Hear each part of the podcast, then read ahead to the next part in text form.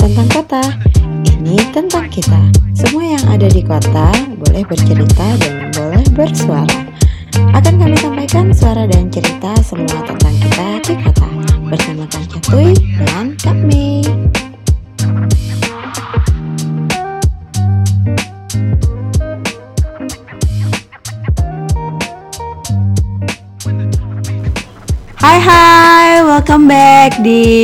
Popo Popo Pos Kota. Gue masih nolak. Ya udah nggak apa-apa. masih nolak. Gue nggak setuju sama itu. Cuman ya gimana dong? Ini kan alat lo ya. Ya ya udah lah ya, lo menurut aja. Gue bisa suka-suka gue juga ya. Kembali lagi sama Kak Mei dan Kang Catuy. di Pos Kota. By the way, sesuai dengan janji kita kemarin bahwa kita akan mengupload perbincangan mengenai banjir. banjir. Banjir. Itu kan sudah ada di IG kita. Apa Yes. IG kita? Uh, at poskota.indonesia p o s t k o t a dot Indonesia harus bisa spell Indonesia ya Dan di like dan di subscribe. Jadi kita sekarang di follow Di-follow dulu ya, di follow dulu Oke, enggak, karena ini ke distract karena sebetulnya eh, pada kesempatan kali ini selain kita rekaman untuk podcast, kita juga rekaman untuk video. Video. video. Apakah itu? Nggak tahu. Oke kita simpen aja dulu. Kali aja nanti kita bisa bikin itu. Iya oke. Jadi lu ngalamin apa sampai lu mau mengangkat isu banjir?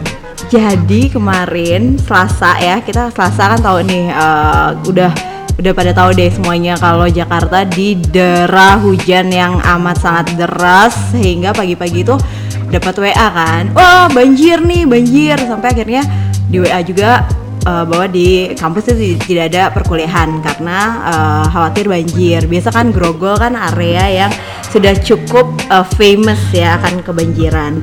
Tapi ternyata ya tidak separah pada saat tahun baru. Ingat dong banjir Ya. tahun baru. Kita juga sebenarnya udah ngomongin banjir sedikit tentang banjir di eh, episode pertama. Eh pas banget ternyata emang banjir masih jadi permasalahan yang hits ya di kota ya apalagi di Jakarta. Nah kita akan bahas nih eh, postener. By the way gue udah punya panggilan buat eh, para pendengar kita postener. Oke, Yeah. setuju itu. Setuju ya? Setuju. Oke. Tapi kalau bobo-bobo setuju Bisa, tetap. Ah. Ya, itu. Jadi kita akan membincangkan sebenarnya mungkin udah banyak perbincangan tentang eh, banjir. Eh, kemarin juga ada di beberapa stasiun televisi yang eh, men- apa ya mendiskusikan tentang banjir. Nah, kita juga mau mendiskusikan, tapi sebenarnya kita maunya lebih eh, meng, apa ya mengupas berita-berita yang ada kan kalau sekarang berita nih kayaknya semua orang pada semua netizen pada mengarah ke salah satu eh, gubernur ya gitu kan. Ah di gubernur Jakarta nggak bisa apa-apa gitu kan. Ah, semua salah gubernur gitu. Nah kita sebenarnya pengen tahu bener nggak sih itu sebenarnya salahnya Pak Gub ya kita di sini tidak membela atau tidak menyalahkan tapi kita harus memberikan eh, apa ya mindset kepada teman-teman pada postener nih. Sebenarnya banjir nih kenapa sih bisa banjir di Jakarta? Soalnya dari zaman eh dari zaman gue kecil kayaknya ya tuh banjir di Jakarta tuh udah ada gitu. Tapi sekarang tuh sampai gue udah lulus kuliah udah punya anak satu ya kan? Tapi masih kayak gadis eh tetap aja banjir tuh ada. Bahkan tadi pagi tuh gue mengalami hal yang tidak menyenangkan karena harus menerobos banjir akhirnya karena nggak bisa menerobos banjir ya udah deh akhirnya muter-muter jalan nyari jalan yang nggak banjir ya kan? Meskipun itu bukan di Jakarta tapi di pinggiran Jakarta. Ternyata bukan cuma di Jakarta aja yang banjir tapi juga di pinggiran Jakarta yang banjir. Nah gimana nih Kang Catuy? Kenapa sih Jakarta bisa banjir? Kalau bahas banjir di tahun ini sebenarnya memang kita bias ya. Karena eh, kadangkala banjir selalu dikaitkan dengan eh, kontestasi politik. Ini terjadi juga waktu zaman Pak Fauzi Bowo, lalu terjadi juga saat zaman Pak Jokowi, lalu Pak Basuki dan sekarang Pak Anies. Eh, dan sekarang sudah mulai melebar. Jadi sekarang pe- pembahasan sudah sampai ke arah Jawa Barat dan lain sebagainya oh berarti meluas ya meluas tapi itu dalam konteks kontestasi politik nah kita nggak mau masuk ke situ karena walaupun uh, kinerja pemerintah daerah menjadi salah satu kunci sebetulnya bagaimana responnya terhadap penyelesaian banjir tapi kita nggak boleh dong ya Kak Mei seperti poster-poster eh seperti Netizen- netizen-netizen netizen yang plus lain 62 itu yang, ya. yang mengedepankan kenyinyiran Betul. dibanding melihat secara objektif apa yang terjadi di eh, Jakarta. Ya, Ya. harus sebenarnya kita harus solutif ya kan. Jadi itu kita mau membincangkan banjir tapi ya lebih ke eh solusinya apa sih? Jangan jangan nyinyir-nyinyir banget gitu kan. Ya jangan orang cuma nyinyir aja tapi nggak tahu bahwa nggak maksudnya nggak punya solusi apa-apa gitu. Iya aku kan sedih jadinya nanti. Ya kalau ngasih solusi sebenarnya juga kita nggak nggak nggak tahu ya apa bisa eh, omongan kita yang mengubah jadi tidak berfaedah menjadi faedah ini bisa menghasilkan solusi. Mudah-mudahan ya. Karena sebenarnya kalau bisa kita bisa sebenarnya solusi mengenai banjir Jakarta itu kan semua sudah ada. Mulai Oh, banyak ahli banget. ASI, Banget. ahli nasional, Mhm. sampai ahli kelas A, B, C, D sampai Z semua sudah ada. Betul. Cuma problemnya adalah eh, Apa tuh? Penyelesaiannya nggak pernah tuntas. Oh, implementasinya juga kayak setengah-setengah atau gimana ya nggak tahu juga Nggak ya. bisa begitu. Ah, nah ini kebetulan ya ada ada sebagai orang pemerintah mungkin gimana ya? enggak, ini dalam perspektif dalam perspektif sebagai eh, Warga. founder, Oh, founder, Kota. founder, Ya. baiklah. Jadi kalau gue ngeliatnya gini, eh, Ini serius nih guys. serius, serius, serius, guys, serius, guys. Biar kita lebih berfaedah. Jadi eh, biar kita lebih pede men-share linknya ke Ke yang hal ramai ya. Jadi kalau banjir kan di Jakarta emang dari dulu ya. Betul. Dari zaman Belanda mendirikan kota Jakarta. Oh, Dengan- tahun berapa itu? Tahun lama lah ya. Tahun lama. dengan dia dia menyadari dengan segala dengan cukup sadar bahwasanya dia mendirikan Jakarta pada wilayah permukiman yang dimasuki oleh 13 sungai. Sungai ya, betul. Makanya Jadi bukan cuma dua atau tiga sungai, tapi Jakarta tuh ternyata 13. punya 13. Aduh, kenapa 13 sih yang kasial itu? kayaknya itu kurang. Kayaknya banjir. harusnya digeser Harusnya dikit. harusnya jadi 14 ya, kalau nggak Ah, kalau nggak biar kalau digeser dikit jadi 12 gitu kan. 12. Bener-bener harusnya diuruk aja kali ya, enggak Eh, ya? dulu, jangan Oh, dulu. Nah, makanya pada bacaan awalnya kan Jakarta eh, dibangun dengan kanal-kanal. Betul. Lalu dibangun dengan eh, membangun ya pokoknya pemukiman yang eh, lebih responsif terhadap banjir yang bisa muncul seketika. Tapi di perjalanannya kan Jakarta berkembang cepat. Hmm, pembangunan cepat. ya sebagai ibu kota, Ibu kota pada negara saat, ibu kota, pada ibu saat kota, ini. pusat ekonomi, Pusat ekonomi juga di Indonesia, pusat, ekonomi, yes. pusat kebudayaan pembangunan kota berlangsung sangat cepat dan mungkin pada saat itu kurang diperhatikan Hmm, Jadi, dampaknya, ya, dampaknya yang salah satunya itu yang tadinya banjir. yang tadinya dan ternyata pengembangan kota yang Jakarta sendiri juga meluas ke daerah-daerah Daerah lain, Daerah betul. seperti Depok, Bogor, Mhm. eh, Tangerang dan sekitarnya yang tadinya eh, sebagian besar ada sampah kemudian menghilang kembali menjadi permukiman-permukiman kemudian menjadi eh, kegiatan jasa dan lain sebagainya akhirnya eh, wilayah Jabodetabek kehilangan banyak sekali wilayah resapannya jadi salah gubernur sekarang Hmm. Apa? ya juga sebetulnya Karena- Soalnya ternyata bukan cuma Jakarta doang yang banjir ya. ya karena ini akumulasi Tangerang, Bogor, Dep, Ya. Eh, Bogor enggak lah ya kalau Bogor banjir Jakarta tenggelam dong nanti. Eh, ya sekitar Tangerang, Bekasi Ya, gitulah ya. Ini akumulasi kalau dilihat dari perkembangan kota, akumulasi dari permasalahan-permasalahan yang terjadi sebelumnya. Perkembangan kota yang tidak terkendali, tidak direspon dengan pembangunan infrastruktur pada masa lalu yang cukup eh, cepat dalam Hmm. mengantisipasi itu akhirnya ya banjir. Bisa nggak kalau dibilang berarti tidak ada perencanaan yang eh, baik sehingga ya mereka tidak mengantisipasi bahwa akan ada banjir. Tapi kan sebenarnya banjir tuh ya awalnya kan dulu tujuh tahunan, empat tahunan, lima tahunan. Nah sekarang kan nih udah dalam dua bulan nih katanya udah banjir sekitar 4 sampai lima kali ini Jakarta. 2020 ya. 2020. Nah, ini kan juga selain tadi kalau ya terlepas fakta bahwa Jakarta ini dialiri oleh 13 sungai dan memang berada di area permukiman ya, permukimannya berada di area dekat sungai. Nah, ini juga 2020 katanya ada sesuatu yang menyebabkan anomali banjir nih. Apa nih, Kang? Oke, yang pertama, apakah itu menunjukkan perencanaan yang tidak baik? Sebetulnya lebih ke arah bagaimana menunjukkan eh menunjukkan bagaimana pengendalian yang kurang baik. Kalau Hmm, perencanaan sih, mungkin oh, udah ada ya? Ya lah, yang dibikin kan senior-senior kita, guru-guru Oh kita, iya. yang Planner planner senior planner ya. Ah. itu, Seniornya kan jatuh ya, Oh, udah senior banget. bukan senior saya. senior sekali gitu. Jadi nggak bisa dibilang itu juga tidak baik. Tapi kemudian implementasinya, pengendaliannya, perencanaan dibuat. Nah ini uh, planning 101 buat uh, pendengar, Ah, pendengar yang tips. bukan Bukan para planner. Perencanaan yang baik harus diikuti oleh pelaksanaan yang baik. Pastinya. Nah, kebanyakan perencanaan kota di Indonesia tidak diikuti oleh pelaksanaan pengendalian Betul. yang baik. Jadi ya udah dibuat aja ya, direncanain aja, jangan-jangan ya masih market drive driven Market ya. sekali dan lain sebagainya jadinya eh, perencanaannya sebenarnya sih mungkin oke oke juga. Oke oke sudah merespon segala permasalahan. Cuman kemudian pe- perjalanan pengendalian pemanfaatan yang masih sangat kurang. Ini nanti isunya kita kembali lagi ke situ. Tapi Wow. khusus 2020 nih Pak Mei. Jadi sebenarnya Indonesia Jakarta sebetulnya mengalami situasi yang sangat anomali. Hmm, perubahan karena- iklim mungkin nggak tahu juga. Bukan kita nggak kompeten komentar Yes, tapi climate change is real itu ya. Jadi eh kopean aku nggak bisa kopean. Oke, ada Maaf ya saya kopeannya. Baik. Ya kita nggak mungkin mengingat semua angka kan. Jadi Nah, eh, ini penting soalnya. Jadi penting. di Tahun di tahun 2020. 2020 gua kelihatannya. Di tahun 2020 tingkat curah hujan di, di Jakarta itu 37 eh 377 mm per hari. Oh.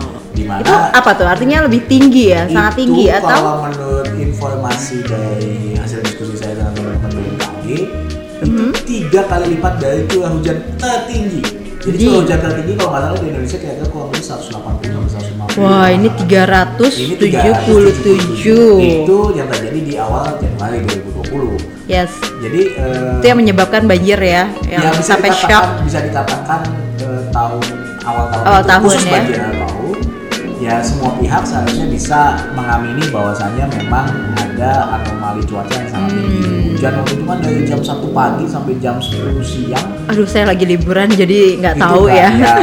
liburan di pinggiran Liburannya agak jauh nih Agak jauh. di pedesaan. Pedesaan. tapi waktu itu hujannya sangat intens dan sangat intens tapi memang akibat dari resapan yang kurang, Mhm. drainase yang kurang baik, belum lagi eh, penyempitan-penyempitan sungai yang masih terjadi di tempat, akhirnya menyebabkan banjir terjadi sangat eh, apa namanya? Deras. Sangat. Eh, banjirnya Sangat deras. cepat. Ya, Sangat banjirnya cepat cepat karena deras. hujannya deras ya. Nah, kalau banjir yang kemarin gimana?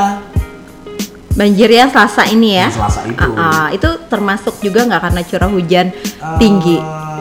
Infonya gimana tuh ya kemarinnya? Kalau Newsnya sih enggak ya. enggak. Ya, enggak Cuman ya. yang mungkin memang kalau saya boleh mengkritik, boleh kan saya? mengkritik? Boleh dong. Boleh. Yang penting kan kita nanti akan memberikan solusi. Kalau saya boleh mengkritik, memang eh, penanganan banjir yang sekarang itu eh, pemerintah harus lebih responsif mungkin terhadap penanganan banjir. Mhm, sekarang. mhm. Artinya banjir air menak naik itu ya ya sudahlah. Betul, sebetulnya tapi tugas pemerintah adalah bagaimana kemudian eh, menurunkan itu menjadi lebih eh, cepat. Jadi bagaimana genangan itu bisa terhentikan secara lebih cepat. maksudnya gimana tuh, Kang? Jadi genangan itu kan umum terjadi ya. Ah, ah. Itu akibat drainase, akibat. Tapi bagaimana itu bisa kering lebih cepat? Pengeringan genangan itu. artinya si air ini bisa running ya lebih Running cepat ya. Apakah itu? Dia kan bukan pelari ya, jadi dia nggak bisa lari-lari Iya dengan memang cepat. mungkin dia larinya kayak gua. masih Oh ya lambat. Nah, masih lambat. Pelari bodoi. Ya lambat lah, slow runner. Slow runner. Slow runner Nah, betul. harusnya harusnya nih air bisa cepat turun ya, bisa itu, cepat Nah itu yang kemudian menyerap. menjadi indikasi dari yang mungkin kemudian banyak dikritik oleh banyak pihak Mm-hmm. sebagai eh, kinerja pemerintah daerah baik di DKI, Banten Maupun Jawa Barat. Iya. Sebetulnya ketika terjadi banjir sejauh secepat apa kita bisa mengurangi genangan. Mengurangi genangan bisa lewat eh, pemupaan atau bisa pembukaan pintu dan lain sebagainya. Saya nggak terlalu tahu. Pokoknya harus standby lah ya pemerintah dan Ya. harus tahu bahwa pada saat memang hujan ini deras ya harus sudah uh, ready dan harus merespon cepat oh hujan deras gitu ya kan Ya. jadi udah ada SOP bagaimana caranya supaya nggak banjir atau at least banjirnya tuh nggak lama gitu ya As mantap banget ini kita masih banyak uh, diskusi-diskusi lainnya. Tunggu dulu segmen selanjutnya. Kita akan membahas yang lebih seru tetap di Popopopos Kata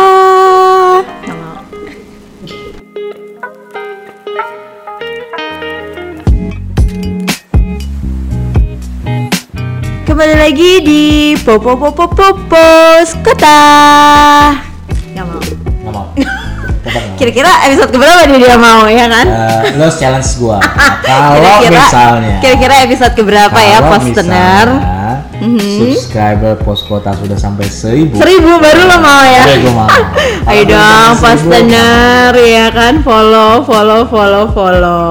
Nanti baru. Tapi, eh, tapi kita terima kasih juga kan kemarin kan eh, episode pertama kita dengan sedikit paksaan dan Alhamdulillah ya. alhamdulillah mencapai Dalam waktu enam hari kita sudah 50 viewer eh listener. Terima kasih kepada semua yang sudah mendengar. Terima kasih. Obrolan tidak nggak berfaedah ada, itu. nggak ada tim tepuk tangan nih by the Ya, way. Sekarang kan kita lebih berfaedah sedikit. Oke. Oke, Sekarang gua lanjut lagi dong, lanjut Gua- lagi gua dong. yang nanya dong, gue yang nanya dong. Kalau sekarang menurut lo? Ah, Kak gantian Kak Mei Iya dong, Baik, baik. Sebenarnya kalau dari perspektif lo dan pengalaman lo, apa sih yang menyebabkan banjir di Jakarta? Ak- Oke. Tadi Nah, lu tadi kan udah ya, sejarah. Kan udah tahu ya 13 sungai tadi mengaliri Jakarta. Nah, tapi kenapa tetap banjir? Nah, kalau menurut pandangan gue sendiri ya, eh, my humble opinion sebagai seorang perencana kota juga. Jadi sebenarnya selain eh, mungkin kondisi fisik dan alam, ya tadi pembangunan juga yang eh, sangat pesat ya kan, dan juga tadi eh, apa namanya pengendalian dari perencanaan ya yang paling mungkin yang sangat amat eh, faktor yang apa ya menyebabkan banjir itu terus menerus ya sebenarnya lebih ke aktivitas sosial dan manusia aktivitas manusia. Gimana? Ya kan kita tahu ya kalau kemarin juga ada isu mengenai apa namanya eh, warga yang rame-rame datang ke satu pusat belanja Ya. dan apa satu development township di Jakarta Timur yang which is sebenarnya Jakarta Timur itu kan sampingnya tuh ada BKT ya Ya. banjir kanal timur terus ada gitu juga kalau kita tahu di Jakarta Timur itu relatif tinggi Ya. apa namanya eh, relatif tinggi eh, permukaan tanahnya aja ya. Habis ikut seminar bo gue kemarin ya kan. Dan Jadi lebih kuat. dan lebih kuat tanahnya. Jadi kemungkinan banjirnya itu sebenarnya lebih eh, rendah dibandingkan daerah Jakarta Utara sama Jakarta Barat tuh katanya sih. Tapi ya secara secara penelitian itu profesor yang bilang ya katanya ya begitu. Jadi Jakarta Timur itu lebih eh, rentan eh tidak lebih rentan dibandingkan Jakarta Barat dan Jakarta Utara. Tapi ternyata tetap banjir. Dan itu juga mereka sampaikan bahwa banjirnya itu ya baru-baru ini aja padahal 10 tahun yang lalu tuh nggak banjir. Nah mereka itu menyalakan pengembangan satu pengembangan township yang ada di eh, sebelahnya. Nah ini juga pengalaman nih. Pengalaman gue yang eh, punya rumah di samping eh, township ya. Aduh sedih banget ya. Samping sih. samping township Bukan bukan, di di township. Non gated community nah ini Fastener banyak dengar-dengar istilah yang aneh. Kalau bingung nanti di Google saja ya di Google. Enggak, Oh, enggak, tanya di Instagram. Tanya ah di boleh Instagram. di drop comments di Instagram at poskota.indonesia nah jadi dulu eh, waktu masih tinggal di sebelahnya gated community atau sebelahnya township itu pernah juga ngerasain tiba-tiba banjir padahal nggak pernah banjir gitu kan. Terus tiba-tiba banjir. Nah eh sempat juga ada konflik di apa namanya di tempat tinggal saya itu dengan eh, si perumahan atau si township itu. Tapi ternyata eh, waktu diteliti lebih dalam lagi waktu saya tanya-tanya juga sama beberapa teman di pemerintahan dan juga di township tersebut ternyata mereka juga udah well done kok perencanaannya gitu. Tapi ternyata lagi waktu saya tanya ke Pak Lurah ya punya kenalan Pak Lurah ya. Tanya Pak Lurah waktu itu Pak Lurah ternyata mengakui sendiri bahwa ternyata drainase di tempat tinggal saya itu nggak bener jadi Yang tidak ternyata dibangun- yang tidak dibangun dan tidak township. dibangun oleh township itu gitu kan jadi akhirnya waktu itu eh, karena area rumah kita ini adalah area dekat rumah Pak Wali zaman dulu Hmm. Pak Wali sebelum Pak Walinya saat ini jadi eh, mereka mengadakan eh, pertemuan nih akhirnya dipertemukan lah antara si township dengan si uh, Warga. pihak warga ya akhirnya ya udah warga juga menyadari bahwa iya ya mereka ternyata juga tidak memelihara drainase di lingkungannya mereka. Terus kemudian juga ternyata banyak banget uh, mohon maaf ya di rumah saya masih ada rawa-rawa di belakang-belakangnya. Dan itu semuanya udah berganti pemanfaatan. Tadinya juga rawa-rawa area resapan. Terus kemudian sekarang sudah jadi semuanya hunian perkerasan ya kan? Udah udah cukup sangat eh, apa namanya padat gitu. Sehingga memang kalau misalnya dibilang banjirnya itu penyebabnya adalah si township ya nggak juga ternyata. Karena ternyata ya buktinya mereka menyadari bahwa oh iya drainasenya kita eh, masih buruk gitu ya. Mungkin itu tugas pemerintah kali ya. Eh, artinya kan kalaupun ada perkembangan harusnya pemerintah tahu bahwa oke misalnya ada uh, hunian baru ya kan? Otomatis kan harus dilihat ya kan? Uh, drainasenya seperti apa kemudian konturnya seperti apa airnya nanti turun ke mana uh, bahasanya run off-nya gimana ya kan? Nah itu sekarang kayaknya eh apa ya masyarakat juga harus eh, menyadari bahwa itu adalah kewajiban dari mereka untuk memelihara lingkungannya masing-masing supaya cie lu kayak dosen ya. Supaya udah mulai kelihatan ya dosennya. Supaya ya nggak jadi beban pemerintah doang gitu. Jadi netizen juga tolong lah ya lihat di permukimannya di sekitarnya sampah yang banyak sehingga eh, kalau air air air penuh gitu kan nggak bisa jalan karena sampah banyak. Kemudian mulai bikin biopori. Kalau nggak salah kemarin IAPDKI meng- memberikan satu solusi untuk eh, membuat biopori ya. Hmm. biopori itu saya baca di di beberapa media. Nah itu sebenarnya sangat baik sekali kalau juga masyarakat itu terutama nih masyarakat yang biasa kena banjir yang dekat dengan eh, sungai ya kan dan atau juga punya kontur eh, area yang lebih rendah gitu kan yang ya udah pastilah banjir. Jadi mereka harus tahu dan ini ibaratnya apa ya eh, bahasanya resiliensi gitu kan. Mereka harus bisa bertahan. Pada saat menghadapi banjir itu mereka tahu what to do ya kan.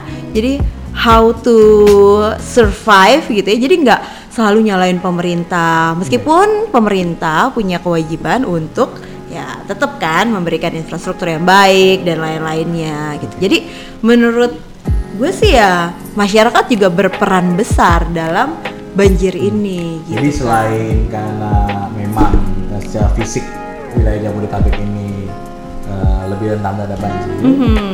eh, dan juga memang karena mungkin ada climate change dan sebagainya, lu menekankan bahwasannya masyarakat perilaku masyarakat behavior behaviornya masyarakat, masyarakat buang sampah sembarangan. ya, eh, tidak berke- tidak apa ya tidak menunjukkan sebagai eh, warga yang lebih bertahan terhadap bencana sebetulnya. betul. Ini aja masih banjir ya. Gimana kalau modelnya kayak di Jepang gitu kan? Kita tahu sendiri mereka rentan terhadap eh, gempa banjir eh, apa tuh namanya angin ribut kayak angin ribut angin tornado gitu kan. Tapi mereka sudah punya knowledge yang sangat tinggi untuk eh, ya bertahan untuk tahu SOP-nya seperti apa. Ya mungkin menurut gue juga itu harus pemerintah tuh harus eh, mensosialisasikan kepada masyarakat yang memang tinggal di area yang rentan banjir gitu. Jadi pemerintah juga selain membangun infrastruktur juga harus bisa mensosialisasikan itu ya. Betul sekali. Awareness, awareness masyarakat terhadap eh, kondisi sekitarnya sehingga kita bisa Betul. membentuk bukan hanya kota yang silence tapi membentuk kota yang Yes. melalui warga yang lebih silence juga. Iya, netizen nih harus lebih resilience gitu kan. Netizen harus lebih menahan jarinya untuk tidak berkomentar nyinyir. Lebih baik buang sampah tidak sembarangan dan buat biopori di depan rumah. Belum. Belum. eh, kalau kita rumahnya nggak kebanjiran ya, jadi kita nggak perlu bikin biopori, guys. Sorry ya. Rumah ibu gua kebanjiran. Sama rumah ibu gue juga Jadi kebanjiran. kami lahir- Jadi kita harus Kalau solusi saya sama Kak Mei karena kami lahir dari eh tinggal di eh, rumah yang banjir. Jadi kita Ah, rumah yang banjir. adalah kita memilih rumah kita yang nggak banjir. itu udah pelarian yang paling baik ya kan kita harus cari tempat tinggal yang tidak banjir Oke, tambah seru, tambah seru, tapi kita masih punya satu segmen. Jangan ke mana-mana, tetap di Popo Popo Pos Kota. Nunggu seribu subscribe. Biar Kang Cate ngomong gitu.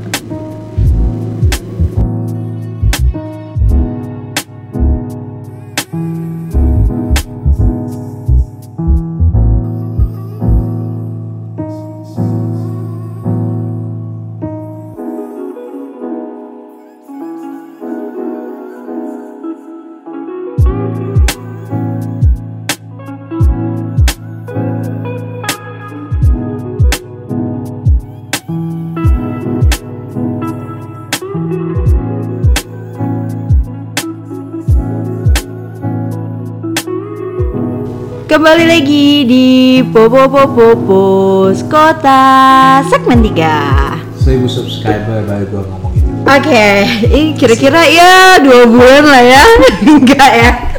Sebenarnya bisa. Tahun. Jadi strategi, kita pakai strategi kita pakai kita pakai buzzer aja Enggak, buzzer. strateginya lo bilang aja gini eh, sama mahasiswa lo. Wajib. materi ujian Ada di sini. episode berapa? Oke, jadi langsung Itu langsung- seribu langsung seribu ya, Ray. subscriber ya kan demi lu ngomong Popo Popo Pos Kota. Budak konten. Bu- bu- Butan, budak Bukan. konten.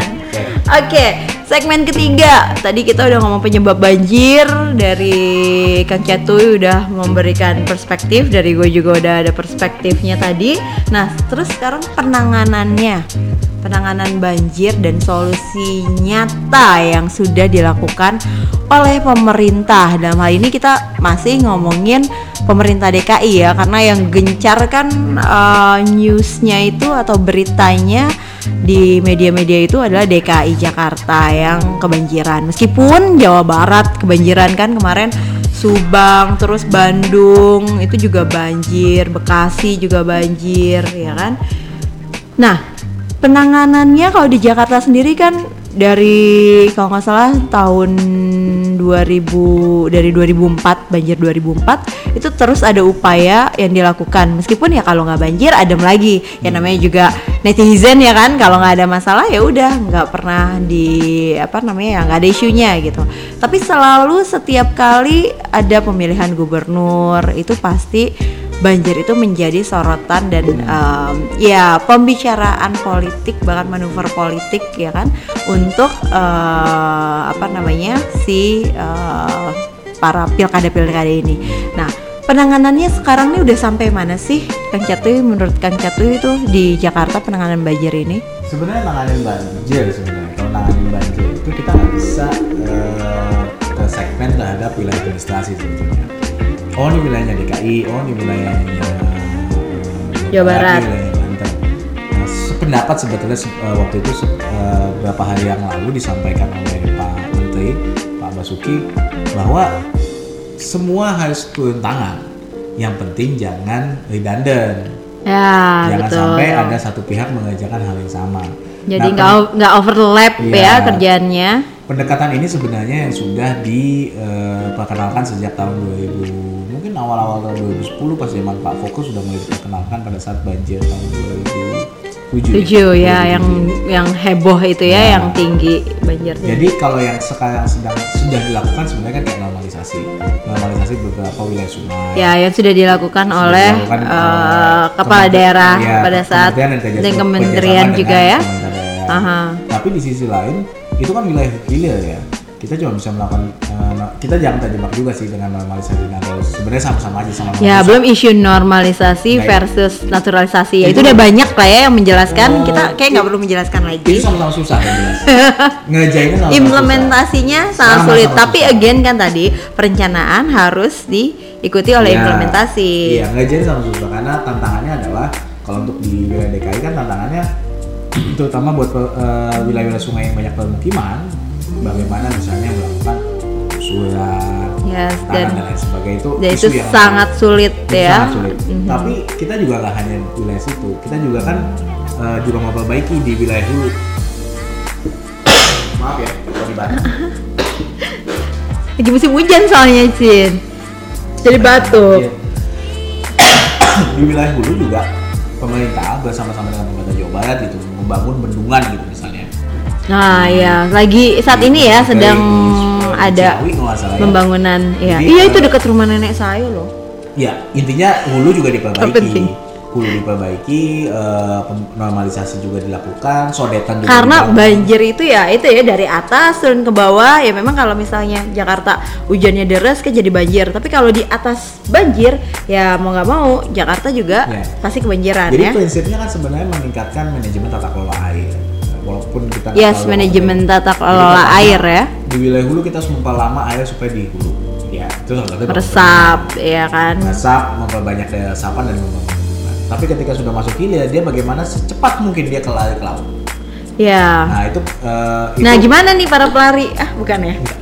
bukan para pelari ya. Jadi, eh, Salah.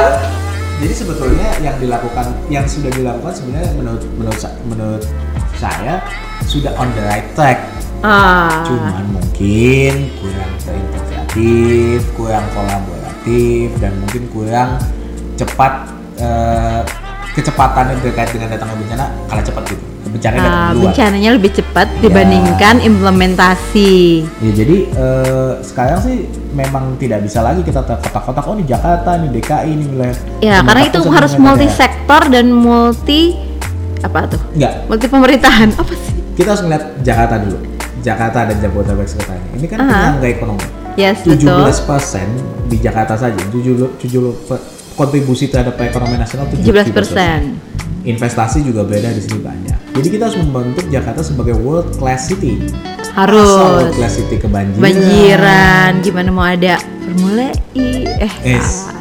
Jadi- Gak ada Bang, gitu. Jadi kita jangan terjebak pada oh nih wilayahnya Pak Gubernur DKI. Ya, Jadi, ya tanggung jawab semua juga Iya. ya untuk menciptakan Jakarta sebagai world class city. Kalau Jakarta itu secara secara livable atau secara kenyamanan keekonomian ke investasi itu rendah, ya wilayah-wilayah pinggirnya Bekasi, Depok, Bogor juga nanti pengaruh. Hmm. Mungkin ada yang belum pernah dengar uh, Most Livable City Index. Nah, kalau ada yang belum pernah dengar boleh dicari juga di Google atau drop comments. I- Indonesia Most Livable Indonesia City Most Index. Livable City Index ya. Jadi, Kalau Jakarta gimana? Kata kunci Most Livable City Index sama Elkana satu. Oh, oke. yang membuat ya. Baik. Enggak. Jadi eh, kalau kita ingin membentuk Jakarta sebagai world class city, maka semua pihak harus turun tangan, tidak lagi karena Satu- semua, satu- semua pinggiran kan tergantung Betul, betul. Karena Jadi penyangga kalau- ya harus dong ya, jadi kalau Jakarta itu berkontribut, vibrant, Jakarta yes. itu eh, lebih lebih apa lebih livable, Ya. tidak banjir, maka investasi akan masuk otomatis wilayah pinggiran akan sejahtera. Betul, pasti akan ada multiplier effect untuk masing-masing apa pinggiran wilayah Jakarta. Jadi ya memang ya sebenarnya penanganannya berat ya, tapi sebenarnya nggak bukannya tidak bisa dilakukan, pasti bisa banget dilakukan selama ya ada tadi ada kolaborasi, ada kemauan dan kalau ngomongin eh, balik lagi nih kan biasanya kan kalau implementasi gitu sangat sulit dilakukan ujung-ujungnya karena keterbatasan dana alias ujung-ujungnya duit. Nah, kalau ngomongin itu keterbatasan dana sebenarnya sampai sejauh mana sih implementasi ini tidak bisa dilakukan atau sulit dilakukan karena dana ini? Kalau gini, eh, ini mungkin solusi agak ekstrim eh, dan mungkin nggak nggak umum lah sekarang. Tapi Mhm. mungkin kita perlu melihat kembali solusi yang ditawarkan oleh Pak Sutioso tahun 2007 dulu. Oh, apa tuh? Kita membentuk sebuah governing governing eh, apa ya governing board gitu wilayah Jabodetabek. gitu. Government board Jadi eh, untuk nggak- wilayah bisa- nggak bisa- Jabodetabek. bisa Sampai lagi, punjur nggak tuh? eh, Bisa. kan Punjo itu kan Pun itu kan Kabupaten Bogor. Oh iya, betul. Jadi eh, kita harus bikin jangan sampai kesannya ada apa BKSP ya. Ya BKSP, BKSP itu kan Badan nggak terlalu ya nanti dicari ya Iya. BKSP Jabodetabek. Badan kerjasama pemerintah di Jabodetabek. Iya. Eh, sudah bertahun-tahun itu berjalan dan sudah terlalu dan sudah terlihat bahwa itu tidak terlalu efektif sebagai bentuk forum koordinasi. Koordinasi yang untuk dibutuhkan itu sebenarnya forum yang mengikat atau bentuk pemerintahan yang mengikat. Ya saya nggak mengarah ke Kementerian Jabodetabek atau digabungin di merger- di aneksasi jadi satu provinsi enggak nggak ngarah ke situ. Mhm. Tapi lebih untuk ke khusus- board khusus banjir Atau itu harus sudah ada badan lah ya, ah. uh, badan Kayak- penanganan. Ya kayak sekarang nih, misalnya eh, pemerintah DKI, katakanlah dia mereka punya uang lebih gitu ya, mereka mau berkontribusi 70 di, triliun loh. ya mau berkontribusi pembangunan di wilayah Di wilayah Depok mana? Oke, oke. Itu ribet banget. Betul, susah ya, apa, susah apa, ya. apa. Harus persetujuan sana sini Iya. proses dan birokrasinya sangat sulit gitu. Tapi kalau kota harus mungkin kalau ada board itu yang mewadahi akan lebih mudah. Ya kalau kita bisa mulai dari yang dilakukan oleh BPTJ sebetulnya. Mhm, Badan Pengembangan Transportasi, Jabodetabek. yes. Itu Aha. kan walaupun banyak kritik eh, yang datang dari situ, tapi kan itu sudah berhasil ya. Halo teman-teman BPTJ, ada beberapa teman di BPTJ. Oh halo, halo, halo. Tapi menurut saya sih sudah cukup me- karena isu isu di isu di wilayah Jabodetabek itu kan sampah, transport, Transport, sama tata air. betul. Jadi kalau tiga isu ini bisa dijadikan satu wilayah koordinasi yang Termasuk perumahan tuh juga. Iya, ada komandannya sebetulnya. Maka uang itu menurut saya nggak jadi masalah sih ya. Jadi- bisa dibagi-bagi atau apa bisa diinikan karena kan sebenarnya kita bangun di sini yang di wilayah pinggir ternyata Sistemnya berarti yang harus Iya. dibuat ya. Harus Bisa dalam bentuk konkret, harus lebih konkret. bisa dalam bentuk badan atau eh, apa pun bentuknya itu tapi, ya sekali harus lagi- ada wadahnya tapi gitu kan. kita harus melihat kembali apakah eh, sistem perundangan kita mewadahi mem- Mem- mengakomodir Betul, ide tersebut. mengakomodir ide Tapi tersebut. Saya rasa kita perlu melihat kembali ide yang dilontarkan Pak Sutioso tahun 2005-2006. Waktu itu kan yang pengennya bikin memperluas provinsi. Provinsi. Ya, Iya. oke lah, mungkin itu terlalu ekstrim. Tapi kan, tapi Tapi ide basic Iya. idenya sebenarnya untuk mempermudah untuk dalam koordinasi, koordinasi dan pengelolaan anggaran. Yes, dan sebagainya. untuk implementasi program juga menjadi lebih mudah Ya. ya lintas wilayah. Kalau sekarang kan ya kita tahu lah ya birokrasinya sulit. Tapi Hmm. dengan adanya itu berarti bisa lah ya dana itu tidak menjadi masalah. Jadi sebenarnya ya bisa dong ya kan Bisa banjir banget. itu Oh, se- eh, banjir ditangani. eh, Banjir ditangani. eh, Nggak tahu, nggak tahu karena banjir kalau kata Prof kita itu ya akan selalu ada ya. Iya. tapi ya sebenarnya yang penting kan penanganannya artinya kalau misalnya memang banjir selalu ada artinya udah given karena memang kondisi alam dan eh, ya tadi climate change ya kan Hmm. eh, iklim yang tidak menentu tapi manusianya punya kesadaran bahwa oke kita berada di area yang seperti ini jadi harus ya bisa merespons juga jadi jangan cuma pemerintah aja yang merespon tapi masyarakatnya yang ya udahlah ya pokoknya kan kita udah tinggal di sini udah bayar pajak gitu ya Iya. ya pajak is only pajak tapi yang paling penting itu kesadaran manusia untuk bisa beradaptasi Iya. dengan lingkungannya Jadi kita nggak bisa lagi kita eh, menangani banjir atau pembangunan infrastruktur jelas. yes Lalu eh, mau melalui apa namanya kerjasama antar pemerintah kota jelas. Tapi di satu sisi juga masyarakat juga harus eh, secara kolektif, secara kolektif itu ditingkatkan Yes. eh, ketahanannya. Betul. eh, sehingga dia bisa lebih lebih apa ya resilience ya? Lebih- resilience ya resilience lebih terhadap- bertahan. terhadap eh, bencana yang ada. Perilaku Oke. juga jangan buang sampah sembarangan ya. itu yang paling penting. Nah terakhir nih pertanyaan gue kan kira-kira dalam waktu berapa lama lagi bahwa kita bisa menghadapi banjir? Artinya nih kita di sini adalah pemerintah pemerintah masyarakat.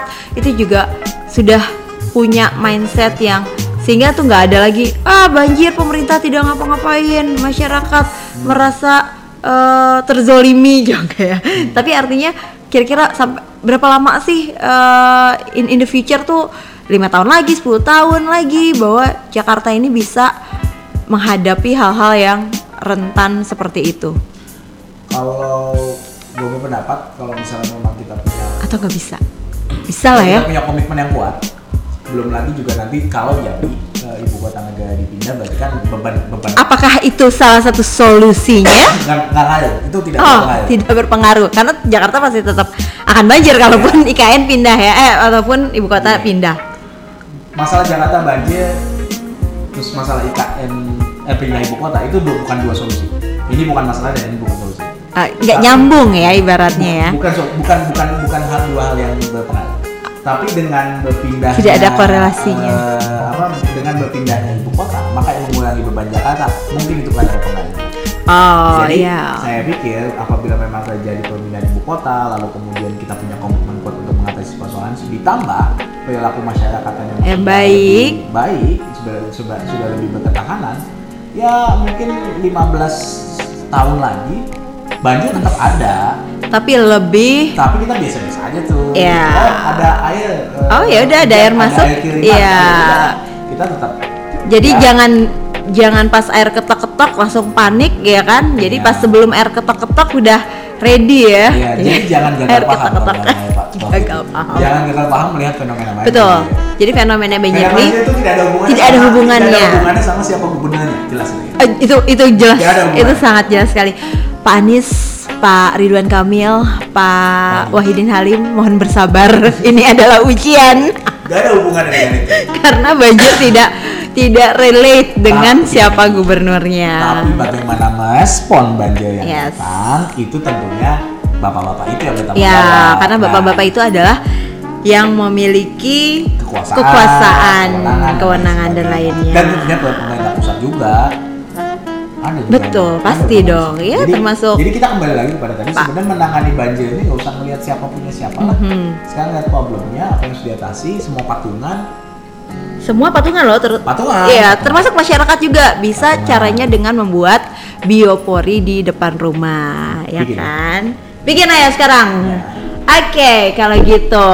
Ah, menarik sekali. Mudah-mudahan sangat berfaedah, ya kan? Alhamdulillah. Jadi kita akan lebih berani kita akan ini. kita akan lebih berfaedah lagi di episode-episode selanjutnya. Episode depan, episode 3 tuh si itu ya, ketua DKI ya. Oh ya, Eh, episode ketiga kita sudah stok ada ketua IAP DKI dan kita ada tamu, ada tamunya, ada tamunya. tapi nggak pakai video. Tapi nggak pakai video. Ini videonya juga nanti kita masukin di mana kita belum tahu. Oke. Nah, episode ketiga, episode keempat episode keempat. kita akan mau gua no ngangkat isu. Oh yes, boleh dong. Ini soalnya Olahraga banjir is- isunya. Oh, ya betul. olahraga dan urban lifestyle. Halo Karila. Ini kita lagi mau bikin tentang urban lifestyle. Nanti kita akan ngobrol-ngobrol juga. Jadi bagi nanti kita akan mungkin kita juga akan kontak Karila via Skype atau via apa pun itulah ya Uh, karena kita lagi juga mau merencanakan penelitian mengenai urban lifestyle wes keren dong tepuk tangan Oke kalau gitu jangan lupa drop your comments di IG-nya Poskota at poskota p o s t k o t a dot Indonesia harus bisa spell Indonesia. Jangan lupa komen, follow, terus Iya, juga dengerin standarnya. kita ya Postener. Harus harus harus dengerin kita. Oke, sampai ketemu lagi di episode selanjutnya di Bobo Bobo Bobo Kota. Seribu. Seribu.